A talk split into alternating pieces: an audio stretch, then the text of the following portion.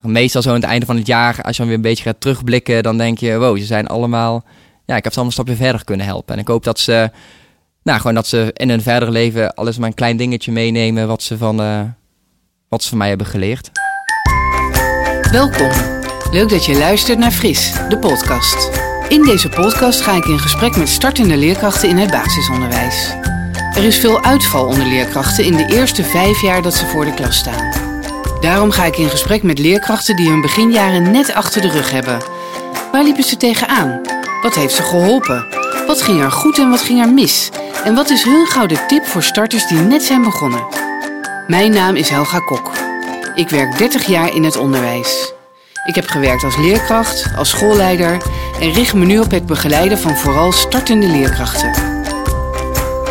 Vandaag zijn we op de Van As van Wijkschool. De school waar ik ben geboren en getogen, zeg ik dan maar gelijk even. Dus voor mij een speciale plek. En uh, we gaan in gesprek met Rob Verstegen. Welkom Rob. Ja, dankjewel. Leuk dat je er bent. Ja, wederzijds. Wederzijds. Hoe was je dag vandaag? Ja, ik had een hele goede en leuke dag. Ik heb vandaag uh, les gegeven aan uh, groep 5.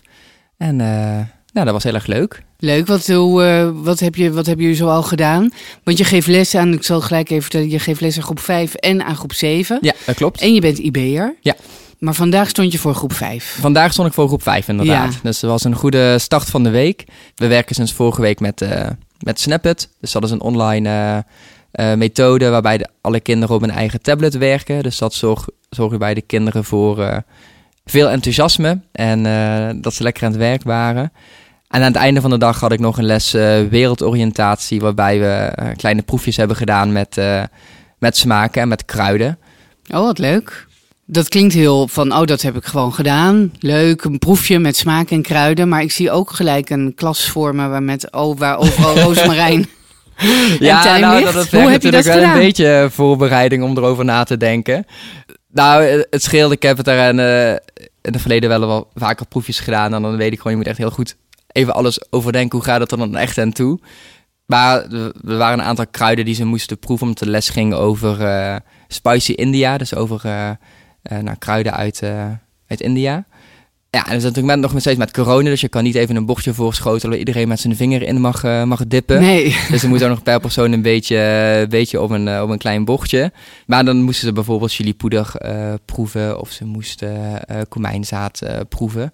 En dan aangeven of dat nou, pittig was uh, of niet. Oh, wat leuk. Ja. Echt die, die smaakverschillen. Ja, maar hoe heb je dat dan georganiseerd? Want je, hoeveel kinderen heb je in deze groep? Uh, 28. 28. En ja. al die 28 kinderen hebben een bordje nodig met verschillende kruiden. Ja, ja, dus ik had, uh, ja, de kinderen zitten in groepjes en ik had per groepje een uh, bordje op tafel gezet. En je wilt natuurlijk ook niet dat iedereen door elkaar gaat roepen en dat al die kruiden door elkaar gaan, want dan gaat het natuurlijk ook helemaal nergens meer over. Dus ik had uh, bochtjes in elk groepje neergezet. En er zitten vier kinderen per, uh, per team, zal ik maar zeggen, per groepje. En dan steeds, als we het over een bepaald kruid hadden, dan een beetje in vier drupjes, zal ik maar zeggen, op het bord. Dat ieder zijn eigen hoekje had waar hij mocht, uh, mocht okay. proeven. Ja. En hoe ging dat met het proeven? Konden ze dat een beetje? Of... Ja, dat zorgde natuurlijk wel voor de nodige, voor de nodige hysterie toen, uh, toen de chilipoeder uh, geproefd moest worden. Ja. Nou goed, ja, dat hoort er ook bij en dat weet je van tevoren. Dus uh, ja, dat laat je dan ook even, even gewoon gaan. En konden ze dat een beetje, die smaken uit elkaar halen? Nou, het was vooral dat ze het verschil tussen pittig of scherp ten opzichte van niet pittig of scherp moesten proeven. Dus dat, dat lukte wel. Wat leuk. Ja, was even iets. Ja, was ook even voor de kinderen dan weer iets anders. Dus dat merken dan op zo'n dag. Ja, maakt dat het dan wel dat je op iets, even iets anders kan doen dan alleen maar uh, de standaard uh, vakken of alleen maar lezen uit een, uh, uit een boek of werk maken uit een boek. Dus dat, ja, dan is de betrokkenheid wel meteen een stuk hoger. Ja, want je staat één dag per week voor deze groep. Ja. En hoe is dat om één dag per week voor een groep te staan? Ja, ik ben natuurlijk ehm, begonnen als uh, groepsleerkracht. Vijf dagen in de week uh, geef je dan dezelfde groeples. Uh, nu doe ik één dag groep 5 en één dag groep 7. Dus dat is wel even wennen. Dat is heel anders, omdat je ook niet bezig bent met ja, de hele planning. En ja, je kent de kinderen ook iets minder goed dan als je vijf dagen voor de week de groep doet. Maar van de andere kant is het ook heel erg leuk, omdat je dan ja, één dag vers binnenkomt en ook net weer wat andere dingen kan doen dan de leerkracht die er de andere dagen is. Uh, dus ja, dat is wel heel afwisselend. Ja, ja, want toen ik jou leerde kennen, dat is echt al een aantal jaren geleden. Ja. Maar jij hebt natuurlijk bij ons de gevolgd. Dat klopt, ja. Ik uh, keek nog even terug vandaag en ik zag dat je in de derde groep zat. Ah, Oké, ja. En uh, volgend jaar begint de twaalfde groep al. Dus Oh, dat is echt al, uh, daar gaat echt wel wat, wat tijd overheen, een paar jaar geleden. Ja. En toen, welke groep had je toen ook alweer? Toen deed ik groep 6. Oké. Ja. Weet je nog hoeveelste jaar je toen les gaf? Dat was toen mijn eh, tweede jaar. Oké. Ja. Dat je voor de groep stond. Ik stond met twee jaar voor de groep. Want hoe is dat gegaan na jouw opleiding? Ik heb de PABO gedaan. En toen daarna dacht ik van, ik wil eigenlijk nog eh, verder studeren. En toen heb ik nog een master orthopedagogiek gedaan. En eigenlijk omdat ik dacht, nou, ik vond dat op de PABO heel erg eh, leuk. Ook omdat het, dat het heel praktisch was, dus veel stage lopen. Maar ik miste ook wel een beetje nou, theorie en vooral verdieping. Eh, en dan met name op het gebied van, eh, nou ja, het pedagogische stuk. Dus het gedrag van kinderen en het, eh, de leerontwikkelingen van kinderen. En toen heb ik nog een master orthopedagogiek gedaan. Die duurde twee jaar. En toen ik daarmee klaar was, toen nou, moest het werkende leven wel echt beginnen. Maar toen dacht ik, nou laten we dat eerst een beetje rustig aan gaan doen. Dus toen heb ik nog een jaartje op Aruba gewerkt. Oh, Dus ja, dat was eigenlijk mijn, eh, mijn eerste jaar eh, lesgeven op Aruba. hoe was dat? Hoe wordt er lesgegeven op Aruba? Ja, het is eigenlijk eh, volgens mij een stap terug in de tijd. Geen digiborden, dus nog maar een krijtbord. Dus toen was ik wel blij dat ik nog lessen handschriftontwikkeling heb gehad op de PABO, want dat kon ik mooi toepassen op het krijtbord. Eigenlijk werken ze daar vooral met oude methodes uit, uit Nederland. En is het vooral heel erg klassikaal, klassikaal onderwijs. Dus weinig differentiatie en weinig oog voor verschillen tussen leerlingen. Maar ook eh, heel leerzaam dat er ook weer heel andere dingen natuurlijk eh, spelen dan, eh, dan hier. En welke groep had je toen? Toen had ik toevallig ook groep 6, alleen daar heet het klas 4. Omdat de kleuterschool ook nog daar los staat van, het, van de lagere school. Oké, dus, is dat nog steeds zo? ja. Ja, Ja, dat is nog steeds zo. Oké, Ja. dus echt inderdaad alsof je teruggaat in de tijd. ja, de vierde klas was dat toen nog. Ja. Ja. Mooie ervaring. Ja, maar toen zeker. moest je toch, toch echt, echt beginnen. toen moest ik echt beginnen, ja. En toen ben je weer teruggekomen naar Nederland. Ja. En toen? Toen heb ik eerst een half jaar eh, gewerkt op een eh, school in Roermond. Daar kom ik ook vandaan.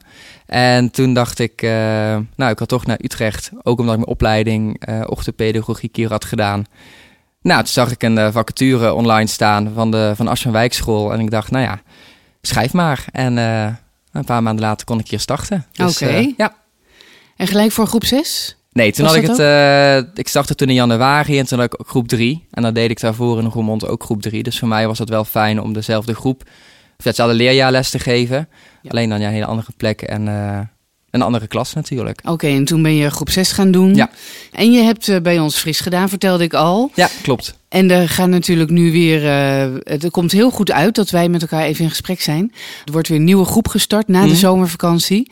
En ik dacht, ja, wie kan nou beter vertellen wat fris is dan iemand die eh, fris heeft gedaan? Ja. Zou jij daar iets over willen vertellen? Voor stel je voor dat je een leerkracht bent en je denkt, ja, ik ben een starter, wil ik dat dan gaan doen? Ja, ja, zeker. Nou, ik heb toen inderdaad eh, fris gedaan. En ik vond dat eigenlijk heel erg fijn. Juist omdat je bij de opleiding hebt natuurlijk heel veel stage. En je praat heel erg veel met jouw eh, studiegenoten en met eh, nou, docenten van de PABO, je begeleiders over jouw ontwikkeling. Nou, zodra je eigenlijk voor de klas staat, houdt dat een beetje op. Eh, je hebt natuurlijk wel je collega's, maar die werken ook al vaak lang op de school waar, waar jij dan terechtkomt. Ehm, dus ik vond het heel erg fijn om bij Fris ja, soort van gelijkgestemde te spreken. Iedereen die net start en met ongeveer dezelfde vragen rondloopt. En ook wel weer andere vragen dan die je zou stellen aan je, aan je collega's. Dus niet per se schoolgerelateerd, maar meer over jezelf. Of waar een starter tegenaan loopt. Dus ik vond dat vooral heel erg fijn om, naast dat je ook echt eh, aan het werk bent, alsnog eh, eh, ja, ook begeleiding te krijgen. En met elkaar te hebben over wat we zo al meemaken. Dus dan voel je niet zo alleen. Want vaak als je voor de klas gaat staan, dan sta je toch ja, als enige voor die groep. En dan moet je het in één keer helemaal alleen gaan doen. Er is geen mentor meer die meekijkt. Dus is het wel fijn als je dan eh, af en toe nog met eh, mensen kan sparren en je dingen met elkaar kan bespreken. Ja, dus Ja. je zegt vooral die herkenning met andere starters, dat was heel waardevol. Ja, voor mij wel, ja. Ja.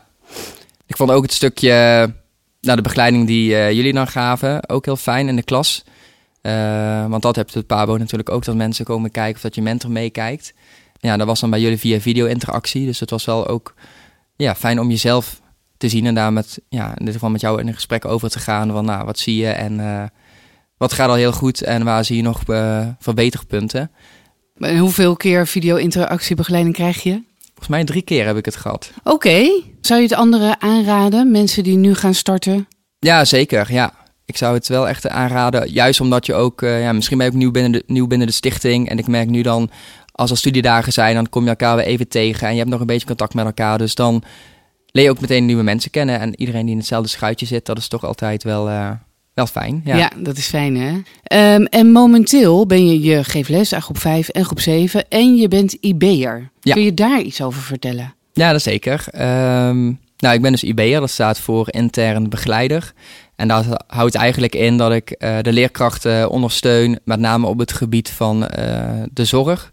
Dus dan gaat het om uh, leerlingenzorg. Dus als er vragen zijn rondom gedrag van kinderen, of als er vragen zijn rondom problemen met leren, dan ja, komen ze eigenlijk naar mij toe en dan kijken we samen. En natuurlijk in samenspraak met de ouders van, nou, wat is de ondersteuning die wij als school zijn kunnen bieden?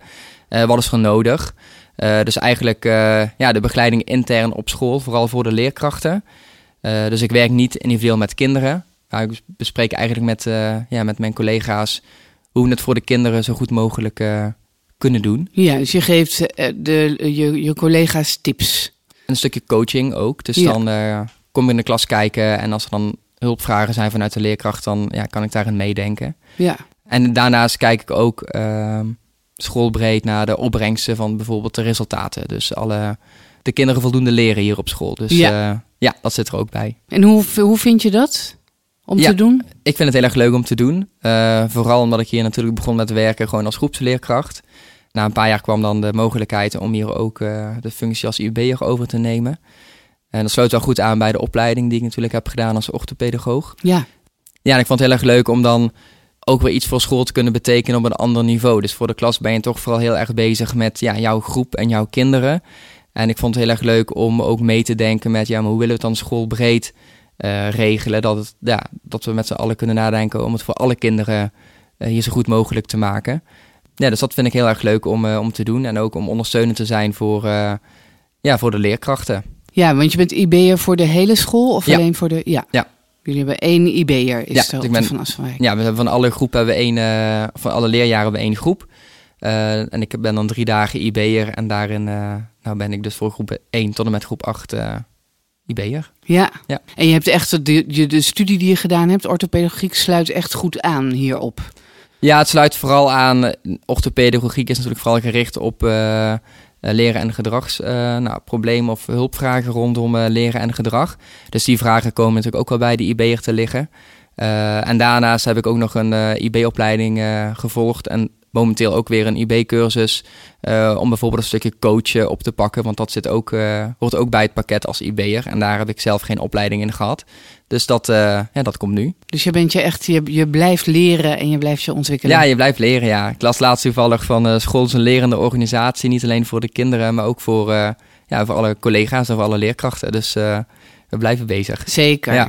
Ja, want die IB-opleiding is best wel pittig, toch? Of best wel de... Nou, we hebben toen een groepje vanuit uh, de stichting, vanuit de PSU, een groepje uh, gehad.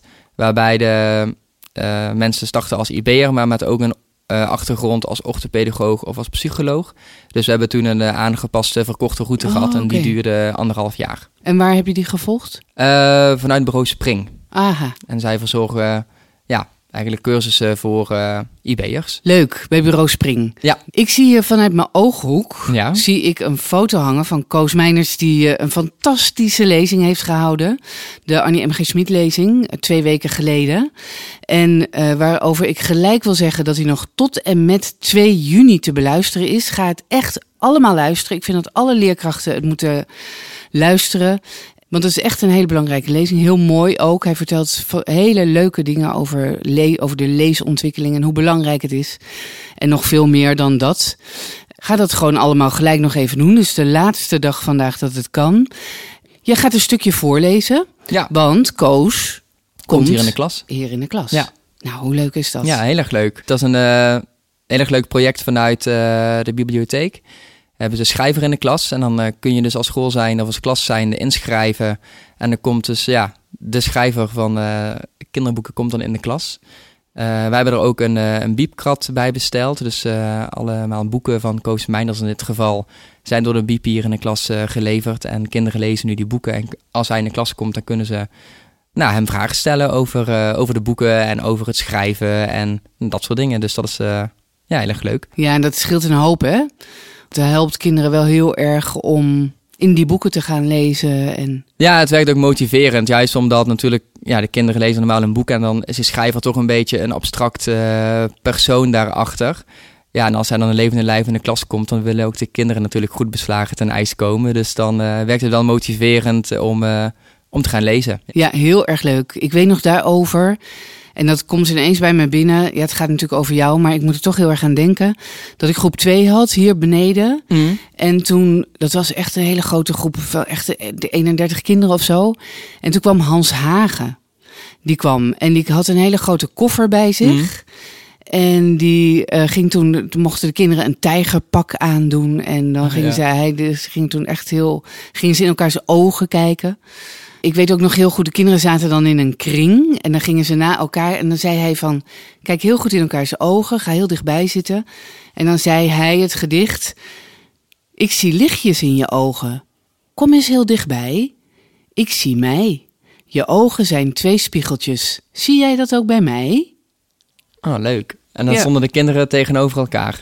Ja, die zaten dan tegenover elkaar. En ze zaten echt zo in, in elkaars ogen te kijken. van wat, wat zie ik. En, uh, en ik weet ook nog, die weken daarna deden ze dat heel vaak. Dan zag ik ineens kinderen zo heel kijken, dicht bij elkaar kijken. En dan gingen ze zo in elkaars ogen kijken. Ja. dat was echt fantastisch. Nee, heeft dat indruk gemaakt toen. Maar jij gaat nu een stukje voorlezen uit een boek van Koos Meinders. Ja, klopt. En ik had bedacht, we maken er gewoon een vraag van voor de podcastluisteraar. Oké. En dan nou. ga jij een stukje voorlezen en dan, gaan, dan mogen mensen, uh, degene die weet uit welk boek van Koos oh, Meijers het komt, die uh, wordt dan, uh, krijgt in ieder geval een eretitel. Die krijgt een eretitel in de podcast. Nou, dat wil je natuurlijk sowieso, toch? Precies. Ja. Nou, dan komt hij. Toon Gieseman, zeg maar Gies, zit naast Janus aan de bar van Café de Zeven Slokjes. Hij praat en zij luistert. Dat wil zeggen, Janus, die automonteur is en haar garagebedrijf naast het café heeft, doet alsof ze luistert. Ze knikt zo nu en dan, zegt eens ja of nee of nou wat je zegt. Ze hm, humt, eens begrijpend. Wat Gies maar wil zien of wil horen. Mooi, dankjewel. Nou, dus degene de vraag die van uh, uit welk boek komt dit? Uit welk boek komt dit? En laat het weten in de comments hieronder. En dan uh, word je echt met roem overstelpt als, uh, als je het hebt geraden. Ja, ik ben benieuwd. Ja, ik ook. Ik ben heel benieuwd wie dat uh, gaat weten. Het is niet een heel bekend boek van Koos Meinerts, maar uh, ja, je weet het nooit. des te leuker. Ja. En wel heel herkenbaar fragment. Mooi natuurlijk, als het gaat over luisteren. Dat is iets meer dan alleen maar hmm, mhm. knikken. Ja. Of, die of ja of nee zeggen. Ja. Heel herkenbaar. Van het kinderboek gaan we gewoon naar een ander vast onderdeel van in de podcast. Ja. En jij hebt vast nagedacht over een blunder, Rob. Hoop ik. Nou ja, die, uh, die zijn er wel geweest inderdaad. Nou, een blunder die mij altijd is bijgebleven was... Dus echt mijn eerste jaar toen ik weer terug in Nederland was. Uh, gaf ik lessen aan uh, groep 3. En toen hadden we rapportgesprekken en ik had uh, nou, alles netjes voorbereid. Ik had de rapporten op een uh, stapeltje gelegd op volgorde van uh, de ouders. En nou ja, natuurlijk nog een beetje zenuwachtig om alles goed te vertellen. Nou, ik begon het rapportgesprek bij, bij ouders en ik ging vertellen en vertellen. Het rapport had ik open erbij liggen. En toen dacht ik op een gegeven moment van, ja, volgens mij is zij helemaal niet zo slecht in lezen als ik nu aan het vertellen ben. maar ik dacht, de show must go on, dus we gaan maar gewoon door. en ik uh, ben tien minuten vol aan het praten, een beetje doorheen aan bluffen. En ik sla het rapport dicht. Er staat echt een hele andere naam op het oh. rapport. dus ik had het rapport van een ander kind voorgelezen. En toen dacht ik echt, oh jee, toen kon ik door de grond zakken. Maar, uh, nou, ik zag het en toen zei ik zo, oh nee, ik zit, helemaal, ik zit helemaal mis. Ik ben het verkeerde rapport voor aan het lezen. Ik dacht al van, hè, er klopt helemaal niks. er klopt helemaal niks van. En toen zeiden de ouders gelukkig van, ja, we dachten ook van, hm, dit is wel een beetje gek wat we nu allemaal, uh, wat we allemaal horen. Dus toen heb ik het, uh, nou, toen kwam ik er gelukkig goed mee weg. maar dat was wel, was wel een blunder. Dus sindsdien weet ik wel, nou, ik moet echt heel goed checken welk rapport ik voorlees.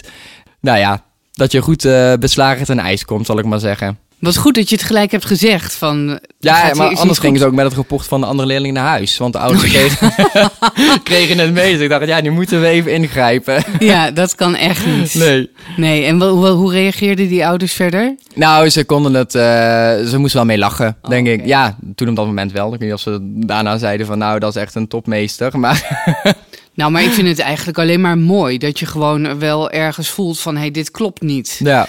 Dat betekent wel dat je op tijd hebt gezien van dit, deze resultaten kloppen helemaal niet bij dit. Ja, maar van de andere kant ook dat ik achteraf dacht, nou, misschien had ik op het moment dat ik aan het twijfelen was, het even moeten checken.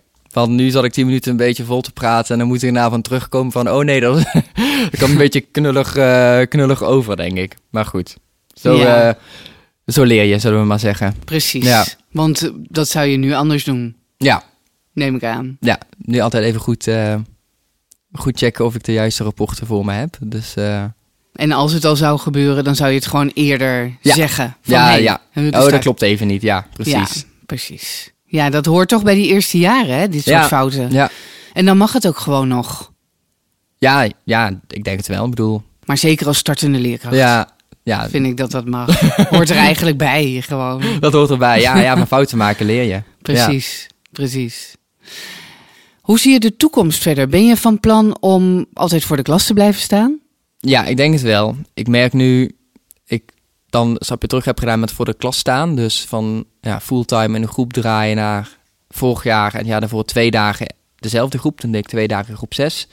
En nu dan één dag vijf en één dag zeven ik merk toch dat het voor de klas staan heel erg, ja, dat ik het heel erg leuk vind. En het brengt een hele andere energie met zich mee dan uh, op kantoor zitten, zal ik maar zeggen, als ja. IB waar je voornamelijk toch ook, uh, ook bent. Uh, en ik vind het gewoon heel erg fijn om, ja, om in de klas bezig te zijn en met de kinderen bezig te zijn. En nou, vooral de combinatie vind ik heel erg leuk. Dus zowel IB zijn en ik denk ook dat het daarbij heel erg goed is als je ook voor de klas staat. Want dan weet je tenminste ook van nou, wat er speelt en hoe het ja, in de praktijk blijft, uh, blijft gaan. Dus ja, ik zou dat zeker niet, uh, niet willen opgeven. Nee, nee, voorlopig niet. Wat vind je nou het leukste van leerkracht zijn? Waarom zou je mensen aanraden? Misschien zit er wel iemand te luisteren die denkt van... nou, ik hoor zoveel over het onderwijs, enorm tekort. Uh, en iemand zei laatst al van echt iets voor jou. Iemand die aan het twijfelen is, ja. wat zou je daartegen zeggen? Nou ja, wat, wat wij hier onderling met collega's altijd zeggen, ja, leerkracht elke dag anders. En dat is ook echt zo. Je, je kan een dag starten en ja, je hebt eigenlijk geen idee hoe het gaat lopen. En er gebeuren altijd heel veel leuke dingen en het is heel snel schakelen ook. Dus je moet altijd wel een beetje voorbereid zijn op wat allemaal gaat, uh, gaat komen, onverwachte dingen. Maar het is zo leuk als je met een, uh, een groep een heel jaar op weg bent en je leert kinderen beter kennen en de kinderen leren jou beter kennen en je ziet ze uh, groeien in dingen. En nou, ik denk het allerleukste is eigenlijk nog wel als je een, een les hebt gegeven en als je dan zelf even terugdenkt van nou, wat, wat kunnen de kinderen nu wat ze voor deze lessen niet kunnen, dat je echt iets hebt kunnen ja, bijdragen aan hun, uh, aan hun ontwikkeling en dat je ze beetje bij beetje ziet, uh, ziet groeien. En ik merk wel, als je dat dan vijf dagen in de week voor de klas staat, dan zie je dat niet meer natuurlijk elke dag. Maar meestal zo aan het einde van het jaar, als je dan weer een beetje gaat terugblikken, dan denk je, wow, ze zijn allemaal ja, ik heb ze allemaal een stapje verder kunnen helpen. En ik hoop dat ze, nou, gewoon dat ze in hun verdere leven alles maar een klein dingetje meenemen wat ze van, uh, wat ze van mij hebben geleerd. Ja, mooi. Nou, dat is ongetwijfeld zo. Ja. Uh, nou, Rob, je staat inmiddels een aantal jaren voor de groep. Je hebt de mm. ervaring. Ja. En uh, wat zou jij nou willen zeggen tegen startende leerkrachten die net zijn begonnen? Heb je gouden tips voor ze? Wat mij zelf altijd heeft geholpen is door ook gewoon te accepteren dat je in het begin nog niet alles helemaal perfect kan doen.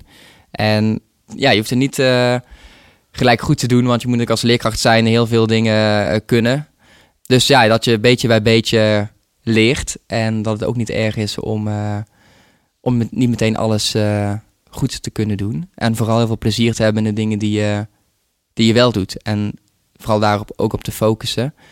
En eh, nou ja, soms is het ook heel fijn om na een schooldag even met je collega's te zitten en er met elkaar erover te hebben. En ja, ook weer te ervaren dat het heel erg leuk is wat we eigenlijk de hele dag doen. Want je staat toch heel de dag alleen. En als je even dan weer met je collega's bent, dan kun je toch ook soms even je hart luchten. Want ja, er gebeuren gewoon ook wel veel dingen. En nou, zie je ook gewoon overal de humor van in. Dat zou Ja. ik wel als tip mee willen geven. Ja. Wat mooi, dat is mooi. Zie je Ja. overal de humor Ja, van in. dat is misschien wel een mis- tip. Komen jullie elke dag bij elkaar in de personeelskamer? Of hoe werkt dat? Ja, nu met corona is het natuurlijk een beetje lastiger. Maar Ja. normaal gesproken eh, wel, want we hebben schooltijden van half negen tot twee. Dus we zijn als leerkracht zijnde vanaf half negen tot en met twee uur eigenlijk eh, bij de kinderen. En dan na twee uur van kwart over twee tot kwart voor drie hebben we ook echt eh, verplicht pauze. En dan komen alle leerkrachten naar de koffiekamer of naar de teamkamer. En dan, ja, dan zien we elkaar en dan spreken we elkaar. En dan bespreken we een beetje wat iedereen heeft meegemaakt die dag. En of er dingen zijn. Of soms hebben leerkrachten ook wel vragen over iets wat die dag is gebeurd. Maar meestal eh, is het ook wel heel gezellig. Dus dan wordt het vast ook nog wel eens wat later dan... eh, Soms wel, ja. Soms dan, eh, vooral op vrijdag, dan verschuiven we de pauze een beetje. Dan gaan we na school het meteen even de week afsluiten in de klas. En dan zeggen we, nou, we verzamelen iets later in de koffiekamer. En dan kunnen we blijven hangen voor degene die dat wil. Ja, want de Van As van Wijk school was natuurlijk altijd de meest fantastische school. Maar nog steeds wel, denk ja, ik. ik denk wel dat het nog steeds de leukste school van Utrecht is, ja. ja. En wat maakt dat zo? Ik denk dat het voornamelijk het team is, maar ook de kinderen. En net als alle kinderen hier op school is ons team ook heel gevarieerd. En eh dat maakt het gewoon heel gezellig. En iedereen heeft een eh, luisterend oor voor elkaar en staat open voor elkaar. En eh naast dat we heel serieus met elkaar kunnen werken en ook het beste willen voor, nou, voor ons onderwijs, hebben we het vooral ook heel erg leuk met elkaar. Dus eh, ja, dat maakt het wel de leukste school van Utrecht. Ja. En ik denk ook dat dat eh, voor kinderen heel erg fijn is. Als kinderen merken in school dat er een fijne sfeer hangt, voelen zij zich ook veilig. En dat begint denk ik wel bij een, eh, bij een team. Als je je veilig en fijn voelt in een, in een team en met je collega's. Ja, dat is eigenlijk ja, zo bazaal ook dat kinderen zich veilig voelen in, in school. Mooi wat je zegt. En daar, eh, ik kan het ook merken als ik gewoon weer de school binnenkom. Dan voelt het nog steeds weer gelijk als vanouds. Ja, En eh er hangt hier gewoon een hele goede sfeer. ja inderdaad. Nou, dat is een mooie om mee af te sluiten, Rob. Eh, heel erg bedankt voor dit gesprek. Ik denk dat het voor, zeker voor startende leerkrachten weer een hele mooie podcast is om naar te luisteren. En ehm, een hele goede week verder. Dankjewel voor het luisteren naar Fris, de podcast. Deze podcast werd mede mogelijk gemaakt door PCOU Willybrods en Martijn Groeneveld van Mailman Studio. Vond je deze podcast leuk? Of heb je een vraag aan mij of een van de volgende leerkrachten? Laat het dan even weten in de comments hieronder. Dankjewel en tot de volgende keer.